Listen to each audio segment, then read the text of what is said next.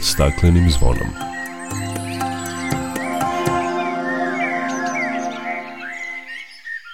Dobar dan i dobrodošli na Zeleni talas prvog programa radija Radio Televizije Vojvodine. Ja sam Dragana Ratković. U egipatskom gradu Sharm el Sheikhu od 6. do 18. novembra održava se konferencija država članica Okvirne konvencije Ujedinjenih nacija o promeni klime COP27. Čućete koje će biti glavne teme konferencije, koja su očekivanja, da li se i kako sprovodi Parijski sporazum i da li će zacrtane ciljeve u njemu biti moguće ostvariti. Početkom grejne sezone Beograd kao i neki drugi gradovi u našoj zemlji su među najzagađenijim u svetu. Govorit ćemo o tome da li strane aplikacije koje rangiraju Beograd na visokom mestu po zagađenju vazduha koriste iste podatke kao i naše domaće. Govorit ćemo i o unapređenju energetske efikasnosti javnih zgrada u Vojvodini, o čemu je razgovarano na danima energetike investicije u Novom Sadu, o zakonodavnom okviru i praksi u sankcionisanju ekološkog kriminala i još nekim temama. O svemu tome opširnije nakon postravne pesme.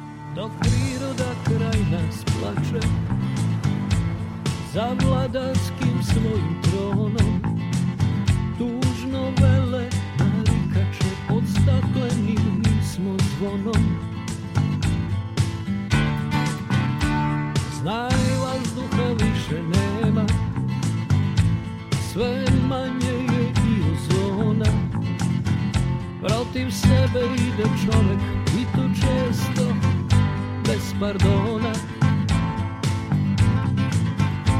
Uništenju živog sveta kao da su ljudi skloni. Čovek sam je sebi meta zbog njega ovo zvono zvoni Uništenju živog sveta kao da su ljudi skloni čovek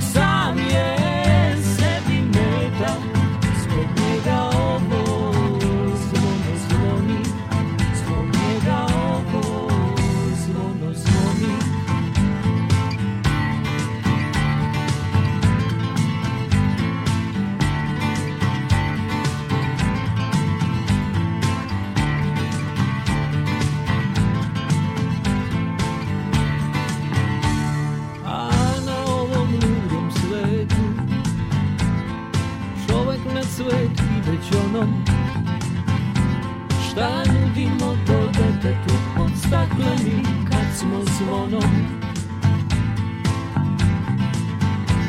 Uništenju živog sveta Kao da su ljudi skloni. Čovek sam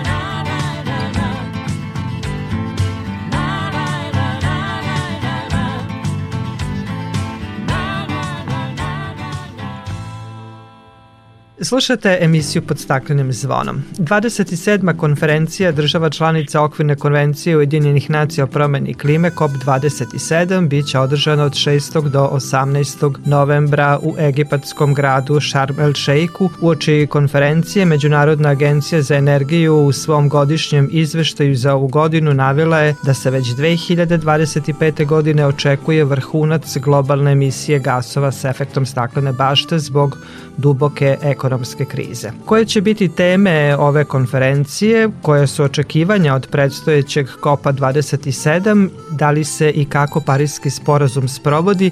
I da li će ciljevi zacrtani u njemu biti moguće ostvariti. O svemu ovome razgovaram sa gostom emisije, profesorom Vladimirom Đurđevićem, klimatologom sa Fizičkog fakulteta u Beogradu Instituta za meteorologiju. Profesore Đurđeviću, dobar dan i dobrodošli na Talasa Radija Novog Sada. Dobar dan, hvala na pozivu. Konferencija država članica okvirne konvencije o klimi COP27 održava se u vreme velike energetske ali i klimatske krize.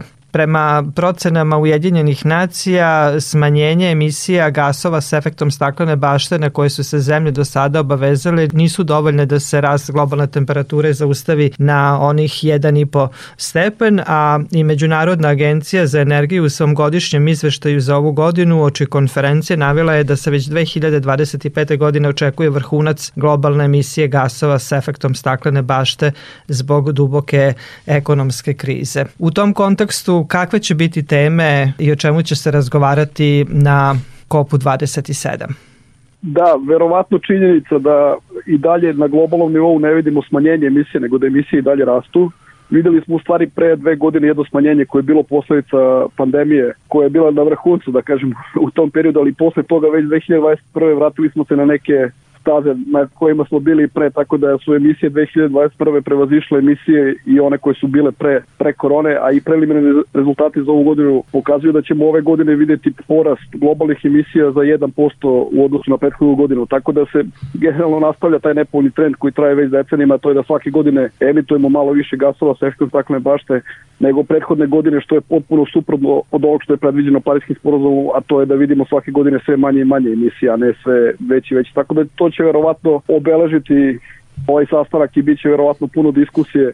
U vezi toga druga važna tema koja će biti otvorena i, i za koju se verovatno većina delegata sprema jeste priča o gubicima i štetama, takozvani loss and damage u zvaničnoj terminologiji UNFCCC-a i ta tema će se otvoriti posebno u smislu pokrivanja šteta koje nastaju od klimatskih promjena u nerazvijenim zemljama, odnosno jedna grupacija nerazvijenih zemalja traži mnogo značajniju i da kažem konkretniju akciju po pitanju saniranja šteta i, i gubitaka koje nastaju usled klimatskih promjena koje se mogu oceniti kao nepovratne štete, znači štete koje ne mogu da se, da se uklone prilagođavanje na klimatske promjene i trenutno je zahte da se od razvijenih zemalja čak traži formiranje fonda od preko 500 milijardi američkih dolara na godišnjem nivou iz koga bi se crpela sredstva da se pokriju štete, kaže ponovo posebno razvijenim zemljama i ta grupacija nerazvijenih zemalja sprema jednu, da kažem, ozbiljnu akciju koju će voditi tokom pregovora ove godine. Da bi se to desilo, verovatno će biti i priče o podvlačenju crte u odnosu na period od Parijskog sporazuma, pošto se približavamo tom prvom trenutku kada treba da se izvesti šta je zaista urađeno i koliko je daleko odmakla implementacija sporazuma, tako da će finalizacija tog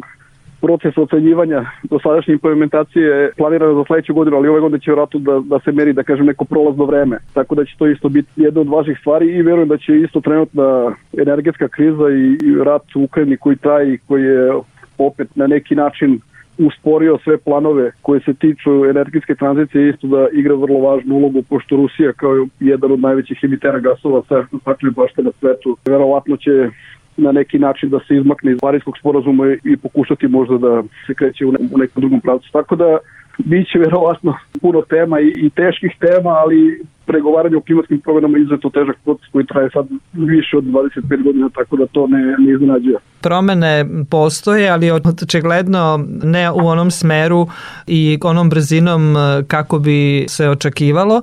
Mnoge zemlje, među kojima smo i mi, mi smo povećali nacionalno utvrđen doprinos, e, kažu tri puta ambiciozniji je, to je 33,3% do 2030. godine kada reč o smanjenju emisija s efektom staklene staklene bašte u odnosu na 2030. godinu. Da, to je jedna od stvari po kojoj će se ovaj sastanak što se nas tiče kao države razlikovati od prethodne godine, zato što ćemo ove godine se ponovo pojaviti na tom sastanku sa novim nacionalno predeljenim doprinosima, jer do sad nismo radili na unapređenju tih doprinosa od Parijskog sporozuma, iako smo na neki način bili obavezni da to radimo još prošle godine. Međutim, to se nije desilo, ali ove godine je vlada usvojila naš novi nacionalno predeljeni doprinos koji je zaista tri puta ambiciozniji. Znači, naš je plan treba to do 2030. smanjimo naše emisije za 33,3%, prethodne naše, naši doprinosi su bili da do 2030 smanjimo za 9,8% i u tom smislu smo mi učinili naš plan zaista ambicioznim mada gledajući u odnosu na neke putanje koje bira Europska unija, ovaj plan je manje ambiciozan od planova Europske unije, a zašto? Zato što smo isto pre nekoliko godina potpisali Sofijsku deklaraciju u kome se zemlje Zapadnog Balkana na neki način obavezuju da će svoje ambicije po pitanju smanjenja efekta staklene bašte da maksimalno približe planovima Evropske unije, a planovi Evropske unije su da do 2030. smanji svoje emisije za 55%, tako da trenutno postoji taj jaz između naših 33% i 55% Evropske unije koji se nadam da će biti na neki način još više smanjen u nekoj sledećoj iteraciji, odnosno našem sledećem usvajanju nacionalno predeljenih doprinosa. Još jedna stvar je nažalost isto izostala, a tiče se naših nacionalno predeljenih doprinosa, jeste što doprinosi koji su poslati UNF Triple C u konvenciji o klimatskim promenama pri nacijama, u tim našim doprinosima je izostalo ovaj put priča o prilagođavanju na klimatske promene. Mi smo imali to poglavlje u našem prethodnom dokumentu kada je usvojen Parijski sporazum, znači imali smo jedno poglavlje koje je bilo posvećeno štetama i zahtevima za prilagođavanje na klimatske promene. Nažalost, u ovom e, novom dokumentu tog poglavlja nema, pošto države nisu obavezi da imaju to poglavlje, tako da se naša država odlučila ovaj put da kažem ne izveštava o procenjenim štetama i potrebama za prilagođavanje klimatske promene. To je možda na neki način i mali nedostatak ovog novog dokumenta, pored ove činjenice da je on ambiciozni u smislu smanjenja emisija. Tako da ima i dobrih i loših strana. U svakom slučaju treba pozdraviti ovo naše povećanje ambicioznosti. Znači to je zaista u odnosu na sve naše prethodne politike koje se bavile potencijalnim smanjenjem gasova sa efektom staklene pašte zaista veliki iskorak ako se budemo pridržavali toga što smo predložili da ćemo uraditi u narednih e, deseta godina, zaista bi trebali u našoj zemlji da vidimo jednu ozbiljniju transformaciju ka zelenim energijama, znači mnogo više vetroparkova, solarnih panela i, i drugih e, izvora obnovljive energije u odnosu na ove konvencionalne izvore na kojima se trenutno bazira naša energetika, a to su uglavnom termoelektrane. Kakve su vaše procene? Da li će ova energetska kriza uprkos svemu negativnom što donosi možda ubrzati prelazak na obnovljive izvore energije i na taj način e, uspeti da ostvarimo neke ciljeve koji su zacrtani u Parijskim sporazumom? Ja mislim da u Evropskoj uniji ipak na neki način preovlađuje polako ta slika u smislu da Evropska unija je presekla koliko je god to moguće svoje konekcije sa fosilnim gorivima koje dolaze iz Rusije prva reakcija i Evropske unije i šire javnosti je bilo da će Evropska unija možda da napusti zelenu agendu i da se ponovo okrene fosilnim gorivima, međutim izgleda da je, da je ipak i ovaj deo priče da, da se unapređuje, da se ubrzava tranzicija ka zelenim izvorima, da je ona ipak na neki način ostala prioritet. Iako čujemo povremeno da se u nekim zemljama termoelektrane ponovo stavljaju u stanje pripravnosti i tako dalje, ipak je to mnogo manji procenat i mnogo manje obima u odnosu na, na informacije koje dobijamo u smislu obnovljih izvora, posebno u smislu investicija koje odlaze na solarne parkove, na vetroparkove, na razne alternativne oblike skladištenja energije i tako dalje. Tako da u Evropi trenutno kako izgledaju stvari deluje da, da se ipak mnogo brže ide tim putem koji zovemo zelenom agendom u odnosu na neki povratak na prethodne stvari Između oslog, baš je to jedan od, od glavnih pokazatelja, to je vrednost investicije u obnovljive izvore energije koji će verovatno ove godine prvi put se desiti da su subvencije za obnovljive izvore veći u odnosu na subvencije koje dobijaju projekti koji su bazirani na fosilnim gorima. To u prošlosti nažalost nije bilo tako, iako je delovalo da je tako na osnovu medijskih tekstova uvek industrija fosilnih goriva i projekti koji su vezani za fosilna goriva imala daleko veće godišnje investicije i subvencije, ali ove godine će izgleda prvi put stvar biti, biti drugačije, što je dobar znak. Ali opet, kao što ste vi rekli, sve to ide daleko sporije nego što bi trebalo da bude ukoliko zaista želimo da implementiramo Parijski sporozum u punom kapacitetu. Kakva su vaše očekivanja od ovog COP-a 27? Nažalost nisu nešto posebno, da kažem, optimistička i velika iz razloga, već sam rekao jedan puta ponović ponovo, pregovori o klimi traju od 1995. godine, koraci koji se čine u tim pregovorima su uglavnom spori i manji od onih koji bismo očekivali, imali smo i primere kada su pregovarački procesi zaustavljani i kada su neki dogovori propadali kao što je bio slučaj sa Kopenhagenom 2009. E, godine, tako da ne trebamo očekivati neke vesti koje ukazuju da smo zaista, da kažem, zauzeli neku putanju koja je očekivana. Tako da verujem da će opet biti nekih napredaka, ali je pitanje obima tih napredaka. Da trebalo bi u jednom trenutku zaista ti sastavci pošalju neku jaču poruku i neke konkretnije rezultate u odnosu na ono što je bilo u prošlosti, ali čini mi se da, nažalost, to se neće desiti ni ovaj put u, u Egiptu. Nadamo se da će barem nakon ove konferencije zemlje koje su potpisnice Parijskog sporazuma i obavezale se na određene ciljeve da će se malo više angažovati na smanjenju emisija gasova sa efektom staklene bašte, barem do tih nekih ciljeva prvih do 2030. godine.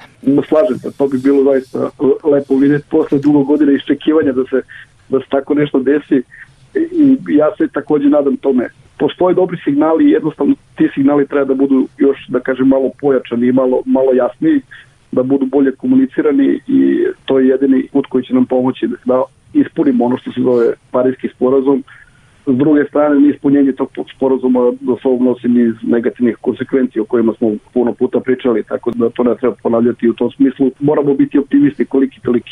Da, optimisti moramo biti, a sad vidjet ćemo šta će se sve dešavati u Sharm Sheikhu i naravno kada budemo videli zaključke konferencije pričat ćemo i o tome. Profesore Đurđeviću, hvala vam za razgovor i učešću u programu Radio Novog Sada. Hvala vama.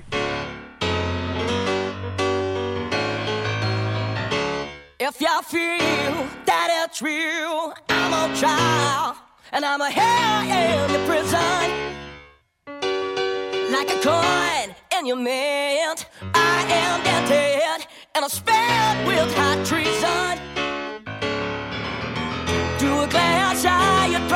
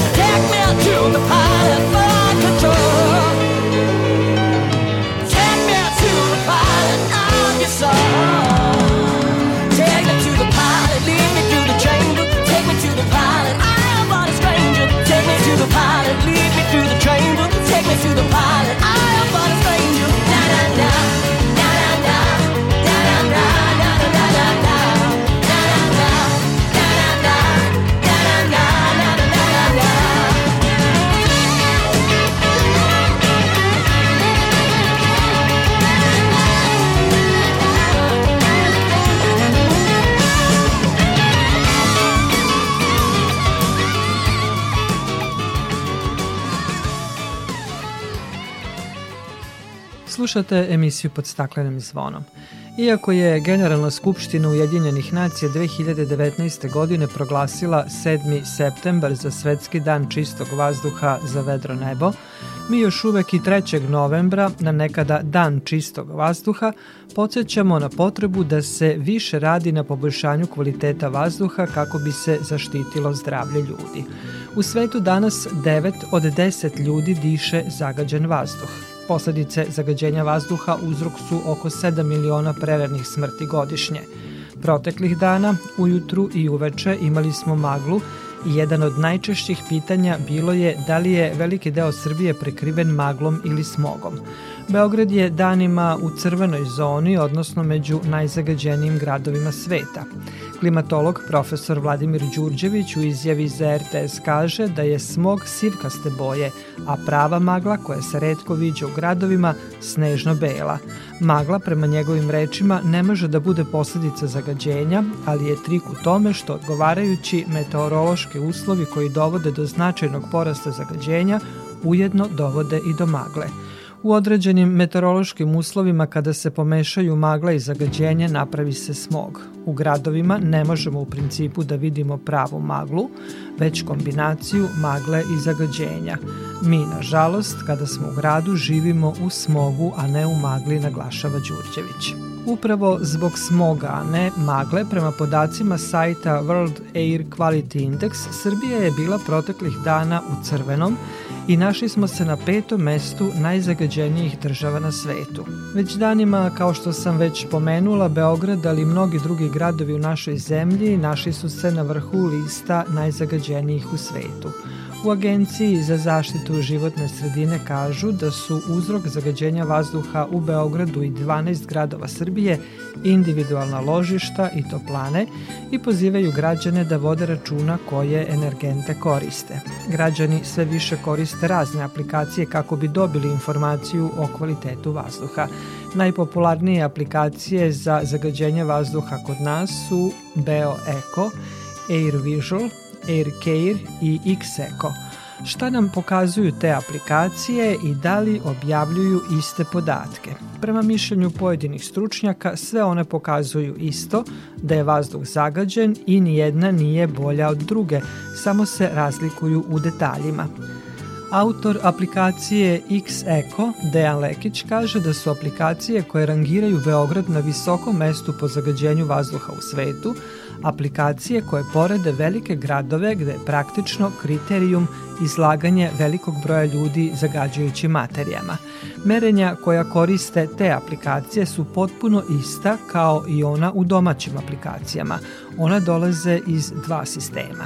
Jedan je državni sistem merenja koji se sastoji u Republici Srbiji od 66-67 automatskih stanica kojima upravljaju Agencija za životnu sredinu gradski sekretarija za životnu sredinu grada Beograda, odnosno gradski zavod za javno zdravlje i neke opštine, odnosno gradovi pa, kao što je Pančevo. Drugi sistem je sistem koji se razvije u poslednjih nekoliko godina. Radi se o takozvanom građanskom monitoringu, dakle o uređajima koji su manje ili veće kvaliteta, a koje su građani sami nabavili ili kroz projekte nevladinog sektora ili su ih jednostavno kupili i koji kroz različite protokole na serverima koji su dostupni svima dostavljaju te podatke u realnom vremenu. Te aplikacije koje rade procenu i rangiranje Beograda zapravo koriste ove podatke iz oba ova sistema. O zagađenju vazduha govorimo tek početkom grejne sezone, ali i tokom leta vazduh nije bio odličan, on je bio dobar. Akumulacija zagađujućih materija u vazduhu je stalna, ali kada počne grejna sezona dolazi do ovakvih prekoračenja, kao što imamo ovih dana, i pale se alarmi za upozorenje, dodaje Lekić. Svi počnu od toga da je Beograd na nekom drugom, trećem, da ne kažem prvom mestu na toj svetskoj rang listi, a onda se ispostavi da je kada uporedite Beograd sa drugim gradovima u Srbiji, on na nekom 15. 20. ili 30. mestu u odnosu na ona mesta u kojima postoji merenje. Mm -hmm. Ne mhm. pominjem ona u kojima ne postoji. Od 12 gradova koji se, pored Beograda, navode kao najzagađeniji kod nas ovih dana, nema ni jednog iz Vojvodine. Prema Lekićevim rečima, u Vojvodini je situacija u načelu nešto bolja. Vojvodina ima tu sreću u kontekstu kvaliteta vazduha da je eh, ravničarski predeo vrlo često duva vetar, manje ima industrije i vrlo je dobro urađena gasifikacija. Ima još jedan onaj element, Vojvodina je relativno bogatija, tako da i građani koji lože u svojim malim ložištima puronama, veća je verovatnoća da će koristiti kvalitetnije gorivo. Ono što je bitno, ova oba monitorija koja sam malo prepomenuo, oni pokrivaju 85 opština od 154 na teritoriji Srbije. To je malo više od pola, što će reći da mi zapravo za skoro polovinu opština uopšte nemamo nikakvu informaciju o kvalitetu vazduha. Ono što se međutim može izvući kao paralela, to su redovi veličine gradova. Pa tako gradovi između 25 i 50 hiljada stanovnika pokazuju isto, ako ne i veće zagađenje nego gradovi iznad 50 hiljada stanovnika. Problem je sledeći. Mi imamo stalno opterećenje termoenergetskim sektorom koje postoji u toku cele godine. Imamo opterećenje saobraćajem koje je veće u, u većim gradovima, a u manjim gradovima imamo problem malih toplana ispod 50 MW i individualnih ložišta u kućama, u zgradama koje utiču sa preko 60% u emisijama PM 2,5 čestica koje su zapravo osnovni razlog ovih dana za ovo prekomerno zagađenje. Bolji kvalitet vazduha jedan je od prioriteta vlade Srbije, izjavila je ministarka zaštite životne sredine Irena Vujović. Mi smo se u prethodne dve godine trudili da zamenimo gradske toplane i individualne kotlarnice kako bi prešle na ekološki prihvatljivije energente. Ona je dodala da su u više od 50 lokalnih samouprava u Srbiji zamenjene kotlarnice i da će se efekti toga videti tokom predstojeće sezone. Borba za čisti vazduh mora biti intenzivna i ministarstvo će nastaviti sa projektima i aktivnostima od značaja za unapređenje kvaliteta vazduha, poručila je ministarka Vujović.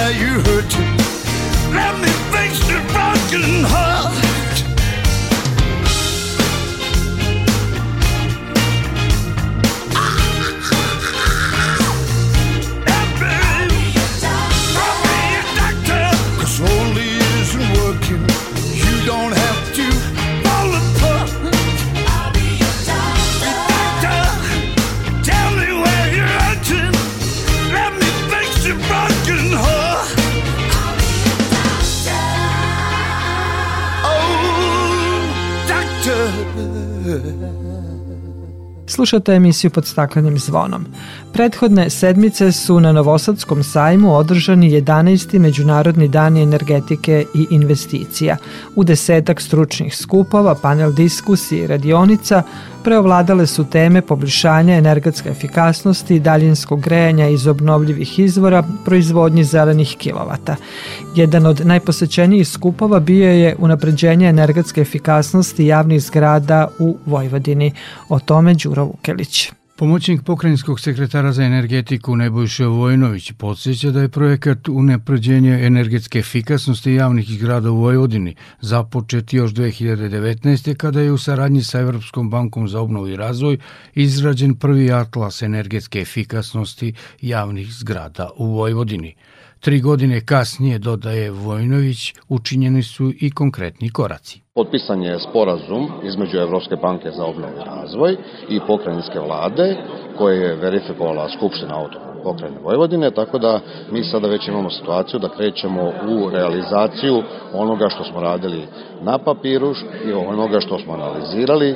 Sada smo već došli do toga da imamo 94 objekta koja treba da se uradi poslednja analiza, da se izaberu, da se odrede sredstva i da se krene u realizaciju energetske sanacije tih objekata u javnoj svojini. Partnerstvo i podrška i BRD-a projektu unapređenja energetske efikasnosti javnih zgrada u pokrajini ogleda se u 12 miliona evra kredita, 2 miliona bespovratnih sredstava i dodatnih 1 800 hiljada evra za izradu projektne dokumentacije, objašnjava Bojan Bogdanović iz IBRD-a. Ovaj projekat je posebno interesantan zato što obuhvata čak 20 lokalnih samouprava vidjet ćemo, sredstvo će verovatno biti u mogućnosti da pokrije 80 zgrada. Znači, organizacijalno jedan vrlo kompleksan projekat, ali to je upravo nama bio izazov i to ono što smo danas ovde na ovom panelu i, i praktično istakli da je ovaj projekat može da bude primer kako jedan kompleksni projekat na više lokacija sa velikim brojem različitih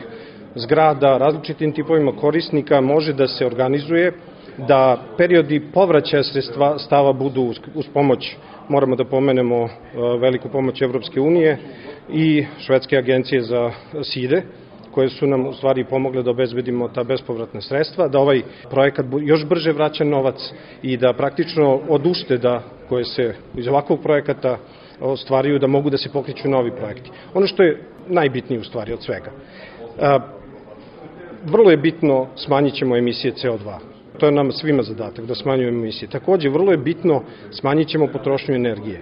I uvek je to neka briga naša za planetu i ta zelena ekonomija, tranzicija ka zelenoj ekonomiji, uvek nam je bila bitna. Ali ono što je sada u ovoj energetskoj krizi posebno značajno je to što sada ćemo pomoći i građanima i državi i pokrajini i lokalnim samoupravama da povećaju energetsku bezbednost, isporuka energije, bezbednost isporuka energije je ugrožena, ovakvi projekti će i to pomoći, čuli smo, pominju se i toplotne pumpe, i solarni termalni kolektori i fotonaponski kolektori, sve te tehnologije koje pored toga što će smanjiti potrošnju energije, u stvari omogućit će da se mi smanjimo zavisno od uvoznih energenata i time povećati energetsku sigurnost. Projektom poboljšanja energetske efikasnosti u javnim zgradama u Vojvodini je, podsjetimo, obuhvaćeno 114 objekata, ponajviše iz obrazovanja i kulture – Čak 98% njih ne zadovoljava važeće propise energetske efikasnosti, a jedini u A razredu našao se gerontološki centar u Subotici.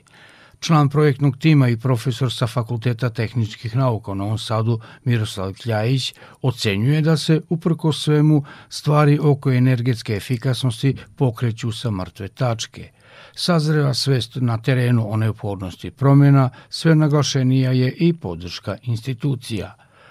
Poboljšanjem energetske efikasnosti u javnim zgradama obuhvaćenih projektom godišnje bi se uštedilo 1.250.000 evra i ulaganje bi se usplatilo za oko 12 godina – Profesor Kljajić, međutim, ocenjuje da novčana ušteda i nije najvažnija. Uštede jesu značajne iz razloga što su odabrani objekti koji su u energetskom smislu prilično, možemo reći, i zapušteni i građeni po nekim standardima koji su važili pre 40, 50, 70 godina.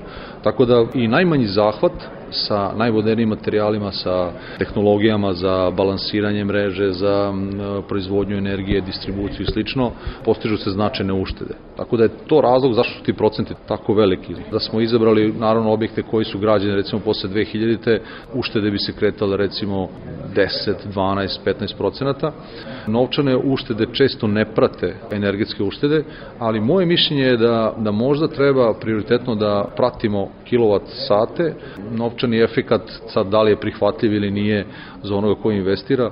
Na kraju mi kao društvo moramo da brinemo o racionalizaciji i tom kilovat satu. E sad kolika će biti ušteda novčana i period otplate investicije ja mislim da bi to trebalo da bude od sekundarnog značaja. U sagledavanju polja za poboljšanje energetske efikasnosti u Srbiji nezaobilazno je daljinsko grejanje, smatra Bojan Bogdanović iz IBRD-a. Potrebno je da miks energenata u tim sistemima daljinskog grejanja prošaramo, tako reći. Tako da trenutno su, nažalost, sistemi daljinskog grejanja 99,2% fosilno. Ili su gas, ili su mazut, ili ugalj i oni su veliki potencijal za ozelenjavanje i za podizanje energetske efikasnosti, ali moramo da uvodimo i toplotne pumpe, i biomasu, i solar termale, i geotermiju, i otpadnu toplotu, i biogas. Sve moguće izvore moramo da iskoristimo. Prema Bogdanovićevim rečima, i BRD planira da u saradnji sa Ministarstvom energetike realizuje projekat unapređenja energetske efikasnosti u stambenim zgradama, jer je to oblast u kojoj može da se ostvari veliki napredak.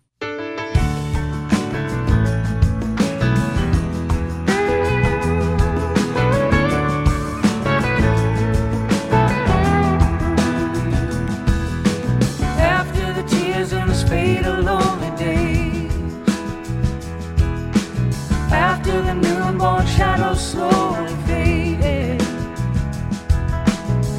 After your heavy stone was rolled away Rolling, rolling That's when it finally came to me. Now there's no use wishing for your sweet return Cause I see you in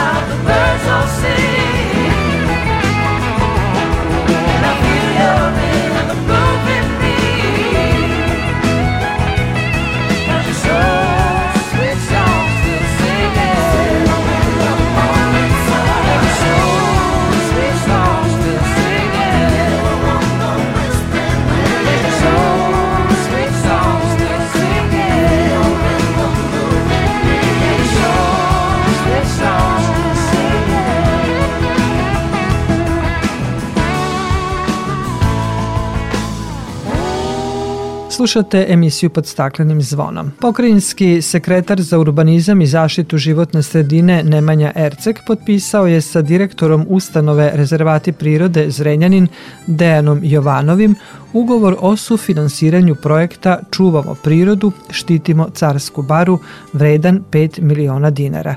Opširnije Marija Maleš. Cilj projekta je da podigne ne samo kvalitet sagledavanja zaštićenog prirodnog dobra na području Zrenjanina, nego i da upotpuni turističku porodu Carske bare, rekao je Ercek. Mi ćemo na ovaj način doprineti izgradnji osmatračnice, zatim vidikovca i određene opreme koja će služiti upravljaču upotpunjujući njihovu, da kažem, i na, nadgledanje, znači o, o, obilazak carske bare kroz, kroz vodene površine, a s druge strane omogućiti turistima, građanima koji posete carsku baru da zajedno sa upravljačem dobiju informacije o svim biljnim životinskim vrstama, pticama, gvizavcima i tako dalje.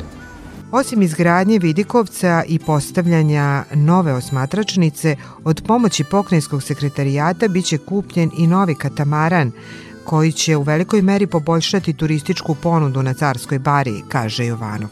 Ono što je takođe važno za nas je da ćemo nabaviti dvosominsku prikulicu na kojoj će biti fiksirana protipožarna oprema, jer smatramo da će požari u budućnosti biti jedan od najvećih opasnosti po zaštićena područja, naročito ovakve strukture kao što je Carska bara.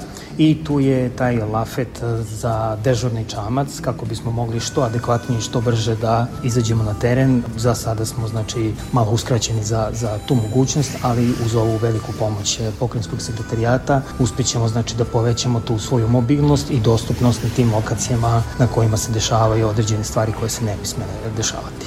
Kada je reč o participativnom delu rezervata prirode, od milion dinara, Jovanov navodi da će za taj novac biti kupljena dva Yamahina motora koja će im, kako kaže, omogućiti da čuvarski nadzor sprovode što efikasnije.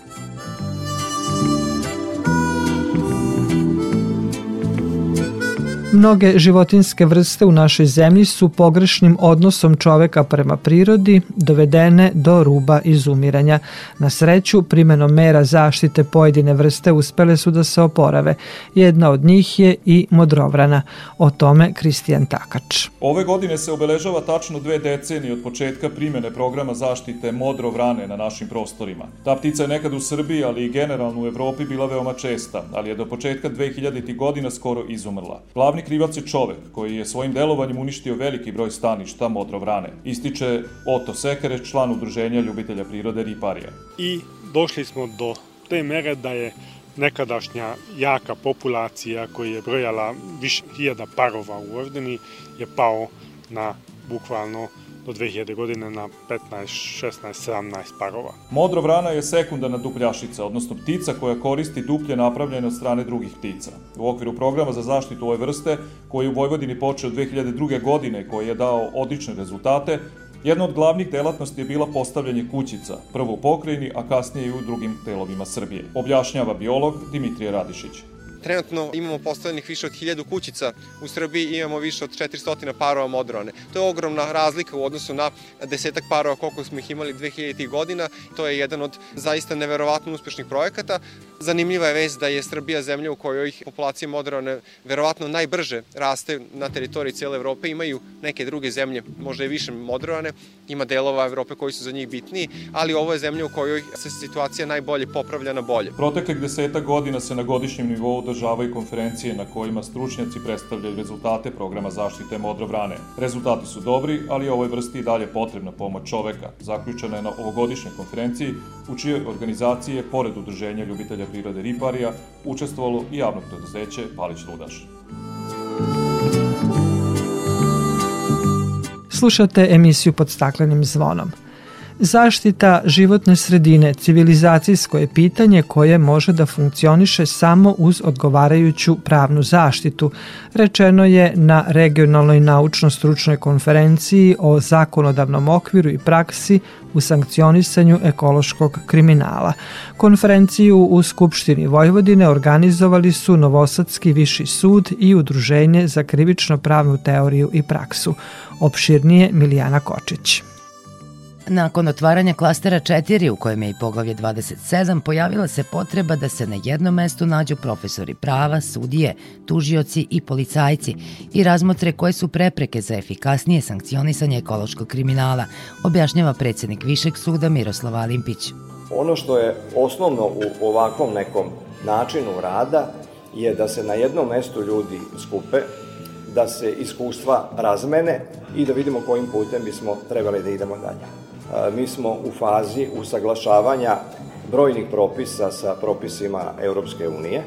Ovo će biti nešto što će doprineti i olakšati rad e, tim državnim organima koji se bave i ovom temom. Predsednik Udruženja za krivično pravnu teoriju i praksu, profesor dr. Stanko Bejatović, ističe da je dosledna primjena postojećih zakona najslabija tačka u domenu zaštite životne sredine. Imamo obavezu ono što smo nasledili da prosledimo našim generacijama. A jedan od načina da obezbedimo zdravu, relativno zdravu životnu sredinu jesu i krivično pravni instrumenti zaštite. Prevencija, ma kakva ona bila, nije dovoljna za očuvanje životne sredine. Bez krivičnog prava nema mogućnosti adekvatne zaštite životne sredine. To je lako reći, ali nije lako postići. Imamo normativnu osnovu koja je relativno dobra.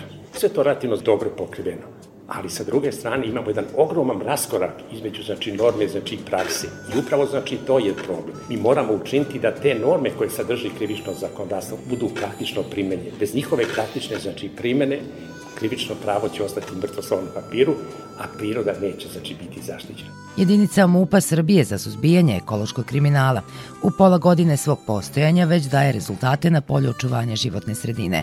Ističe za Radio Novi Sad načelnik te jedinice Živica Munčan od osnivanja jedinice do danas naglasio bi da se MUP i do sada bavio delima koje su iz oblasti ekološkog kriminala s tim što e, na ovaj način e, podigli smo kapacitete i rezultati su egzaktni i vidljivi e, gde imamo da kažemo negde oko 20% više podetih prijava iz ove oblasti nego što smo imali to u, u prethodnom periodu što smatram da je za, za Srbiju vrlo značajno. Najčešća krivična dela se odnose na zlostavljanje, ubijanje životinja, nezakonit lov, nezakonit ribolov, šumska krađa. To je nešto što je najzastupljenije, najočljivije i najčešće građani prijavljuju. Cilj naš jeste bio da pored ovih krivičnih dela bavimo se i zagađenjem i oštećenjem životne sredine kako e, vode, vazduha i zemljišta, tako da u ovom periodu imamo podnetih prijeva što ranije nije bio slučaj i u vezi sa ovim vrstama zagađenja. Međutim, prema informacijama Regionalnog centra za ekološko pravo, u većini prekršajnih postupaka u našoj zemlji izrečena je novčana kazna od nekoliko stotina evra, a kod krivičnih dela samo je u pet slučajeva izrečena kazna zatvora.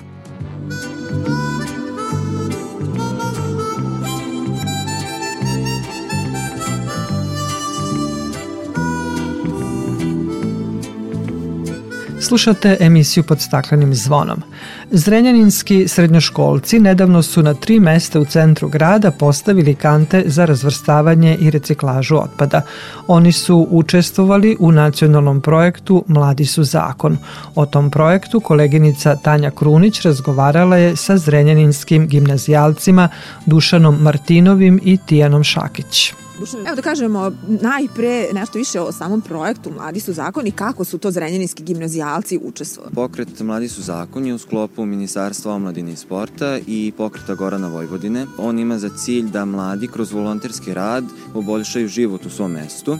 Naš projekat Reciklirajmo zajedno Imao je za cilj da pomognemo očuvanju životne sredine i da podignemo svest o reciklaži tako što smo postavili kante za reciklažu u najprometnijim delovima grada Koje su to lokacije? Lokacije su ovde na trgu Zorana Đinđića ispod vodotornja, negde na sredini glavne šetačke ulice i još smo postavili jedan komplet u našoj gimnaziji. Veliki broj naših sugrađana svakodnevno prolazi pored tih kanti, pa samo da objasnimo, one su različitih boja. E, tako je, žuta je za plastiku, plava za papir i zelena za staklo i tako je kod svih u našem gradu. I samo bih želeo da napomenem da su u sklopu ovog projekta, pored nas dvoje, još bili Teodor Kačarić, Ognjen Kovačević, Nina Antić i celim projektom je koordinisao naš profesor održivog razvoja i hemije Aleksandar Rakita. Samo da kažemo, ti Tijana ste maturanti, nisu svi, niste svi iz istog odeljenja i nisu svi maturanti koji su učestvovali u ovom projektu, dakle različite, različite generacije. Da, da, da, u sklopu našeg projekta objedinili smo sve razrede kako bi svi mogli da učestvujemo i imamo i dobili neko iskustvo u izvođenju projekta. Hvala ti mnogo, sad ćemo čuti i Tinenu, na koji način ste vi još e, pokušali da podignete svest naših sugrađana o značaju reciklaža, odnosno zaštite životne sredine kojom se i vi evo kroz svoje projekte bavite. Konkretno na dan kada smo iznali kante po centru, obukli smo majice koje smo imali na kojima je pisalo šta nam teško i delili smo po centru flajere. Flajere smo dizajnirali tako da budu jednostavni, bili su šareni. Na njima je pisalo šta se gde reciklira u slučaju da neko ne zna, da mu pomognemo da ga edukujemo i u kratkim crtama smo objasnili koji je cilj projekta i čime se bavimo. Tako da to smo delili e, sugrađanima po centru, tako da što više ljudi može da prođe, da pogleda, da prosto podignemo sve stvarno o, o važnosti reciklaže. Takođe išla je knjiga obaveštenja po našoj gimnaziji u kojoj smo detaljnije malo opisali zapravo važnost svega ovoga i kako ovo sve funkcioniše, tako da srednjoškolce, naše mlade, našu budućnost nekako podignemo i aktiviramo da, da se i oni uključe u, u ovu neku vrlo važnu priču za naš grad i generalno za našu zemlju. Tako da, da, tako smo se nekako potrudili da što više podignemo svest u gradu. Da, evo prilike da apelujemo i na naše sugrađane, posebno na vaše vršnjake, da koriste ove kante koje ste vi postali. Da, apsolutno. Mi smo generalno jako ponosni na ovaj projekat zato što se mnogo mladih uključilo kao volonteri. Nas je bilo 30 po centru tog dana i svi smo bili u tim majicama i svi smo delili te flajere i nekako je bilo uživanje videti da smo se svi tako neko ujedinili i mislim da to jeste poenta. Mislim da mi jesmo budućnost i da je na nama da biramo kako će naša budućnost ovde izgledati.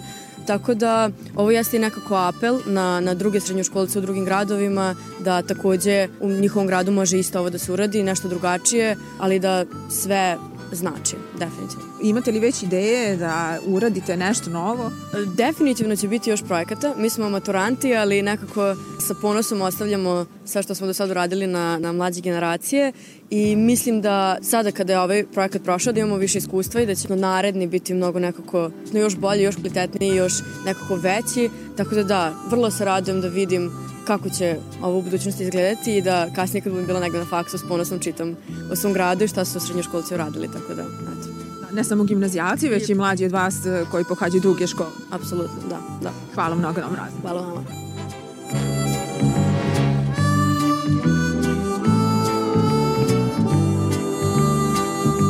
U cilju podizanja ekološke svesti pre svega kod dece, u keltskom selu u Indiji postavljena su tri eko kutka predviđena za separaciju otpada. Nedavno je Skupština opštine Indija za upravljača zaštićenog područja Lesni profili u Starom Slankamenu imenovala turističku organizaciju Indije. To su bili razlozi da ovu opštinu proteklih dana poseti podsekretarka Pokrajinskog sekretarijata za zaštitu životne sredine Brankica Tabak. Ona je napomenula da je ovo prvi put da je pokrajinski sekretarijat ostvario saradnju sa jednom lokalnom turističkom organizacijom i to zahvaljujući njenom interesovanju da na različite načine ekologiju implementira u razvoj turizma. Direktor turističke organizacije Indija Milan Bogojević je naveo da Keltsko selo posećuju brojne organizacione grupe predškolskog i školskog uzrasta, te da je ovo pravo mesto na kome može da im se skrene pažnja na ovu temu na konkretnom primeru smeća koje sami bacaju. Takođe u planu je uvođenje većeg broja edukativnih radionica sa temom ekologije u redovne programe dešavanja u Keltskom selu. Bye.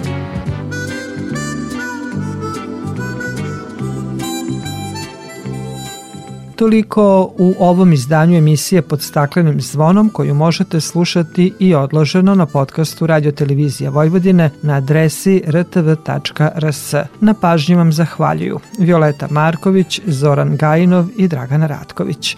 Naredni susret zakazujemo za sedam dana u isto vreme na zelenom talasu prvog programa radija Radio Televizije Vojvodine.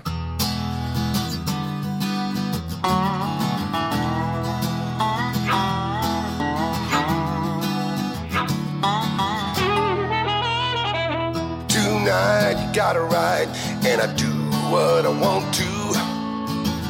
Tonight, you gotta ride, and you do what you can. Doesn't make it right, doesn't make it any easier. Oh, honey, till I take it home. Oh, honey, till I know I'm home.